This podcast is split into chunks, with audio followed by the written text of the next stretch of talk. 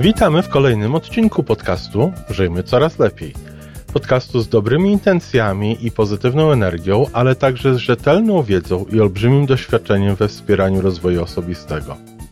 Chodzi nam o to, aby ludziom żyło się coraz lepiej, aby byli coraz bardziej spełnieni, radośni i szczęśliwi. A że sposobów na spełnione życie jest tyle, ile ludzi, więc każdy z nas musi znaleźć ten swój. Pięć razy w tygodniu przygotowujemy dla Ciebie nowy, ciekawy odcinek. Jeżeli lubisz nas słuchać, to prosimy o reakcję. Polub nas, skomentuj, napisz, odpowiedz do nas, tak jakbyśmy po prostu sobie rozmawiali. A teraz już zapraszam do wysłuchania kolejnego odcinka. Dzień dobry kochani, z tej strony Iwona Majewska-Opiełka, Wasz psycholog biznesu. Dziś temat taki właściwie ogólnorozwojowy można powiedzieć, ale bardzo mocno związany z biznesem. Pierwsza rzecz, jaką chcę powiedzieć, to to, że bardzo długo próbowało się w biznesie, no powiedziałabym tak gdzieś do połowy lat 80., a nawet trochę później, e, ubiegłego stulecia, oddzielać jakby biznes od jednostki. Mówiło się, że to jest życie zawodowe, to jest życie osobiste. No, trzeba powiedzieć, że mm, niektórym to się pewnym sensie udawało. To znaczy, udawało się w tym sensie, że y, nie myśleli o pracy, że nie rozmawiali o pracy. Nawet były takie zasady, żeby nie rozmawiać y, o tej pracy. Ja w tym momencie cały czas mówię o tym, co się działo na Zachodzie. Dlatego, że w Polsce w tym czasie no, biznes był w, w powijakach jako taki, no, co, choć oczywiście działalność zawodowa była i za, y, ludzie pracowali, były firmy i tak dalej, to przecież było przez cały czas. Tylko w Polsce jakby to się działo troszeczkę inaczej z racji braku konkurencji, z racji braku tych wszystkich mechanizmów, które były związane, mm, które są związane z wolnym rynkiem, a które od dawna funkcjonowały w Stanach Zjednoczonych czy w innych państwach no, o profilu takim, takiego modelu e, demokracji kapitalistycznej. I teraz w pewnym momencie ta sytuacja no, zmieniła się również w Polsce. Dotarło to do nas. I w Polsce też próbowano bardzo długo oddzielać jakby e, rozwój osobisty od rozwoju zawodowego.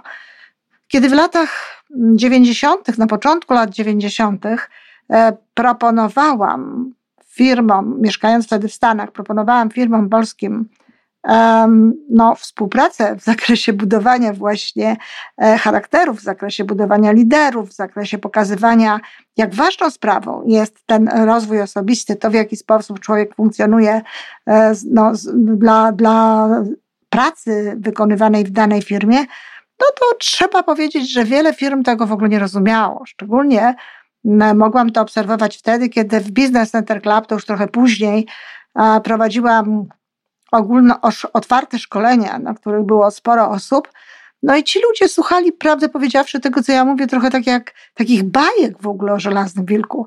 Nawet e, ktoś, e, ludzie próbowali ze mną dyskutować. Oczywiście były takie osoby, które bardzo szybko to chwytały, bardzo szybko widziały, że w tym jest potencjał i że e, warto jest w taki sposób szkolić swoje firmy, szkolić swoich ludzi po to, żeby, żeby ta firma lepiej funkcjonowała.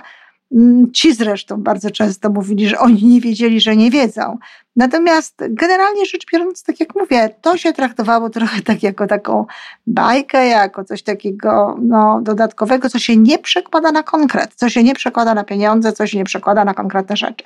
I mimo, że Stephen Covey no, Siedem nawyków skutecznego działania, e, wyda, książka została wydana w 1989 roku, to mimo wszystko, y, nawet tu na kontynencie amerykańskim, ciągle nie było takiej oczywistości, że warto szkolić ludzi w zakresie budowania ich charakteru. Właściwie to Stephen Covey pierwszy, e, tak jasno, oczywiście wcześniej Peter Drucker i inni ludzie pisali o tym, ale e, Stephen Covey podkreślał to i mówił to bardzo mocno, że życie zawodowe i życie prywatne są ze sobą nieodłącznie związane.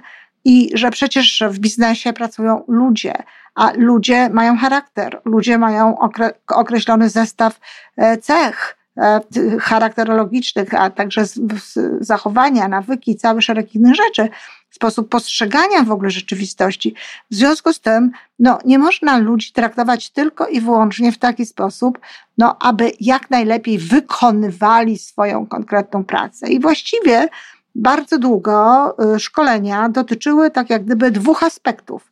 Z jednej strony szkoliło się no, po to, żeby znać produkt, który się sprzedaje, czy na przykład, żeby e, znać te techniki, według jakich się pracuje. Rozwijano kwalifikacje ludzi, podnoszono ich kwalifikacje w tym sensie, żeby no, lepiej czy szybciej wykonywali jakąś pracę, czy wprowadzano nowe um, instrumenty, nowe, nowe maszyny, nową technologię. W związku z tym wtedy tych też ludzi szkolono jakby w tym zakresie. Um, jeśli to byli handlowcy, no to przede wszystkim szkolono ich w zakresie e, y, znajomości tego, co sprzedają, znajomości tych produktów i tak dalej. Drugi natomiast element tych szkoleń dotyczył jakby kierowania innymi ludźmi, czy raczej nawet wtedy mówiło się zarządzania innymi ludźmi. Um, ktoś powie handlowiec i zarządzanie innymi, a tak, bo jeżeli się na przykład e, szkoliło w zakresie technik sprzedaży, w zakresie manipulowania w, pewnego, w pewnym sensie e, ludźmi, wykorzystywania e, słowa, czy jakiejś, e, jakiegoś, no, jakiejś wiedzy na temat funkcjonowania psychologicznego, innych ludzi, które miałyby ułatwić sprzedaż, niekoniecznie spowodować, że e, ten klient naprawdę dostanie wartość, na której mu zależy, ale po prostu, że handlowiec sprzeda, że dokona tego, o co chodziło, no to, to jest tak, tak naprawdę kierowanie innymi. I w zakresie tego kierowania innymi, w zakresie tych technik wszelkiego rodzaju, no, bardzo popularne były różne szkolenia, które pokazywały e, na przykład, jak można demonstrować, że jest się człowiekiem pewnym siebie i dlaczego to jest takie ważne, żeby E, inni odbierali nas jako ludzi pewnych siebie. E, uczono w nieskończoność komunikacji, no bo, bo jeśli się nie odwołujemy do podstaw, do korzeni, no to, to komunikacji można uczyć nieskończoność, dlatego że można e, podpowiadać znowu różnego rodzaju frazy, różnego rodzaju zachowania, no a że na przykład patrzysz w oczy, albo aktywnie słuchaj, tak? Te wszystkie techniki aktywnego słuchania, które tak naprawdę no, służyły temu i, i raczej zajmowały się tym, żeby druga osoba była przekonana, że jest słuchana, natomiast miały tak naprawdę mniej do czynienia no, z tym, aby naprawdę słuchać tej drugiej osoby, aby naprawdę tę drugą osobę zrozumieć i aby naprawdę w zgodzie z tym rozumieniem potem działać.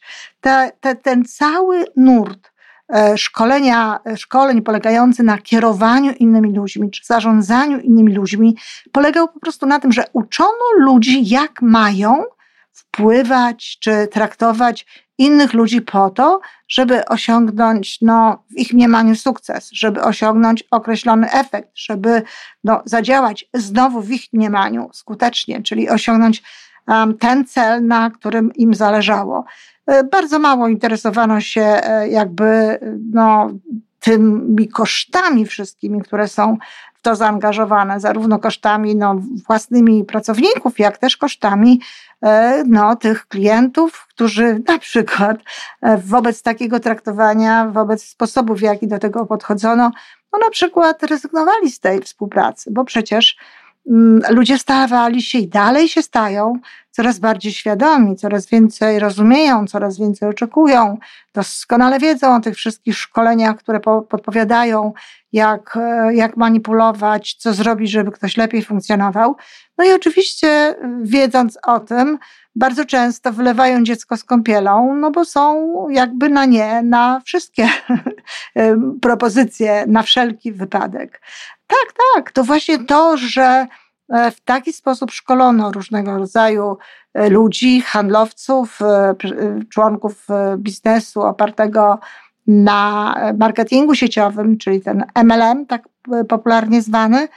Szkolono ludzi bardzo długo na takiej właśnie zasadzie kierowania innymi, czyli manipulowania innymi, czyli po prostu podpowiadano im różnego rodzaju techniki, które miały doprowadzić do tego, że no, ktoś skupi, wejdzie. Bardzo często łączyło to się z kupowaniem jakiegoś większego zestawu i tak dalej, i tak dalej. A mniejszy nacisk kładziono wówczas tak naprawdę na to, e, co z tego będzie dalej, tylko aby no, zachęcić człowieka. Śladowo, śladowo, ale ciągle jeszcze istnieją tego typu szkolenia, tego typu e, postawy. Nawet jeśli nie ma szkoleń, to bardzo często są takie postawy i zwraca się uwagę na te, te, te zachowania, które mają spowodować, że będzie tak albo inaczej. No i oczywiście zaczął się rozwijać w latach 80., tak naprawdę, wcześniej też trochę, ale pod kątem też tego wpływania na innych. Nawet tytuły książek, które niby traktowały e, o naszym wnętrzu, o wnętrzu człowieka, no dotyczyły jednak tego, jak wywierać wpływ, jak wpływać na inne osoby. Czyli znowu tu ci pokażemy, jaki ty możesz być, co ty możesz zrobić, ale tu chodzi o to, żebyś wywierał wpływ na innych. I właśnie tak głośnokowej w swojej książce Siedem nawyków skutecznego działania i w szkoleniach, które oczywiście były zorganizowane w oparciu o te szkolenia, które w pewnym momencie chyba wszystkie firmy z tych 500 najlepiej funkcjonujących miały te szkolenia, zresztą nie tylko te szkolenia, ale całe programy oparte o 7 nawyków skutecznego działania, cały program budowy, w ogóle jakby morale firmy, pracowników firmy i tak dalej. Dopiero te szkolenia Stevena Coveya zaczęły kłaść nacisk na charakter, na to, jak człowiek funkcjonuje w środku. Dopiero te szkolenia mówiły, że buduje się od wewnątrz, czyli na, ty sam musisz być jakiś, żebyś mógł wykonać coś, tak? To jest zresztą powiedzenie Goethego, żeby zrobić coś, trzeba być kimś. I to chodzi o to, że trzeba być kimś, nie udawać kogoś, nie zachowywać się jak ktoś, tylko trzeba nim po prostu być. I właściwie od tego momentu zaczęły się tak naprawdę te szkolenia związane no, z wyjmowaniem z siebie z tego wszystkiego, co najlepsze, jakbym powiedziała ja, czy z doskonaleniem siebie, jak mówi się e, potocznie. I również moje szkolenia w Polsce to były właśnie szkolenia tego rodzaju. I można powiedzieć, że tak naprawdę to e, do, byłam w awangardzie tych szkoleń. W momencie, w którym ja wchodziłam z tymi szkoleniami, no to właściwie e, konkurencją, w cudzysłowie oczywiście, e, były szkolenia pokazujące techniki, pokazujące takie, dające taką wielką obietnicę, że jeżeli zrobisz tak, to osiągasz, osiągniesz wynik, na jakim ci zależy, która po pewnym czasie okazywała się, no niestety, e, nieprawdziwa, dlatego że na początku tak, kiedy ktoś poszedł na takie szkolenie, na przykład jak się, jak ma, oczywiście szkolenie nigdy nie miało takiego tytułu, ale na, o to tak naprawdę chodziło. Jeżeli ktoś poszedł na szkolenie, jak e, wyglądać na osobę pewną siebie, to faktycznie w pewnym momencie mu pomagało to i przez pewien czas funkcjonował dobrze. Dlaczego? Dlatego, że myślał, że ma, że czegoś się dowiedział, że coś mu pomoże, że ma, zna jakąś prawdę i w związku z tym był w naturalny sposób pewniejszy siebie. Więc w jakimś momencie, przez jakiś okres czasu, przez e, dłuższy lub krótszy, raczej krótszy, miał efekty. No ale potem te efekty się kończyły, dlatego że się okazywało raz, że nie wyszło, drugi raz, że nie wyszło, trzeci raz, że nie wyszło. No i traciło się wiarę jakby w tę technikę, no a nie wiedziało się, co trzeba zrobić więcej. Natomiast szkolenia polegające na budowaniu charakteru, na budowaniu wnętrza, na budowaniu nawyków pewnych zachowania, obojętnie czy to są nawyki związane z zachowaniem poza pracą, czy z zachowaniem w pracy, ale nawyki, które pozwalają konsekwencji zachowywać się w taki sposób, one powodują to w sposób naturalny, że nasza osobowość i to wszystko, co widać na zewnątrz, no, wypływa z tego właśnie charakteru, z tej pierwszej takiej naszej wielkości, z tego pierwszego elementu, który jest silny, który jest e, dobry, który jest szlachetny, który jest właściwy. Z charakteru wypływa osobowość. E, osobowość widać, ale to ten charakter, to wnętrze, ten środek, ta autentyczność decyduje o tym, jak wygląda ta osobowość. I oczywiście w moim wydaniu, w wydaniu Stevena Coveya jest to siedem nawyków i każdy nawyk jest opisany. W moim wydaniu jest to przede wszystkim pięć cech charakteru, e, e, które, które podpowiadam, jak wzmocnić w sobie, czy jak utrwalić, bo taka poczucie własnej wartości to jest coś, z czym przychodzimy na świat, ale potem się okazuje, że niestety musimy nad tym wydobywaniem tego, wzmocnieniem czy przypominaniem sobie tego pracować. Więc te, te moje pięć cech charakteru to jest poczucie własnej wartości, proaktywność, spójność wewnętrzna, pozytywne myślenie i poczucie obfitości. Jeżeli w zakresie tych pięciu cech charakteru faktycznie się wzmocni, faktycznie się rozwinie, to wówczas mnóstwo rzeczy, takich jak komunikacja, takich jak zarządzanie sobą w czasie, takich jak skuteczne działanie, jest o wiele łatwiejsze, choć i tam można podpowiedzieć pewne zasady, ale znowu zasady, pryncypia, e, a nie e, konkretne działania, jeżeli tak, to tak. Dlatego, że życie jest tak zmienne, sytuacje są tak różne, że tak naprawdę tylko te zasady, które pozwalają nam, które wiemy, które są gdzieś tam wewnątrz nas e, jakby zinternalizowane, które pozwalają nam każdej sytuacji zachowywać się w zgodzie z tymi zasadami, no, bo wyrobiliśmy sobie taki nawyk, jak również nasz charakter, te cechy, o których mówiłam, pozwalają w każdej sytuacji no, zachowywać się najkorzystniej, tak naprawdę na dłuższą metę dla nas wszystkich. E, związek życia zawodowego z życiem prywatnym polega również na tym, że te życia się na siebie nakładają. Jeżeli w życiu osobistym no, nie wszystko nam się układa tak, jakbyśmy chcieli, no to uwierzcie mi, w życiu zawodowym również nie będzie to tak dobrze, albo będziemy mieli tendencję do kompensowania sobie tym życiem zawodowym, życia prywatnego, które przecież też jest jasne, ważne. No i odwrotnie, jeżeli w życiu zawodowym nie wychodzą nam różne rzeczy, no to uwierzcie mi, kochani, to wpływa na relacje pozazawodowe, na relacje osobiste, na relacje nawet z najbliższymi osobami.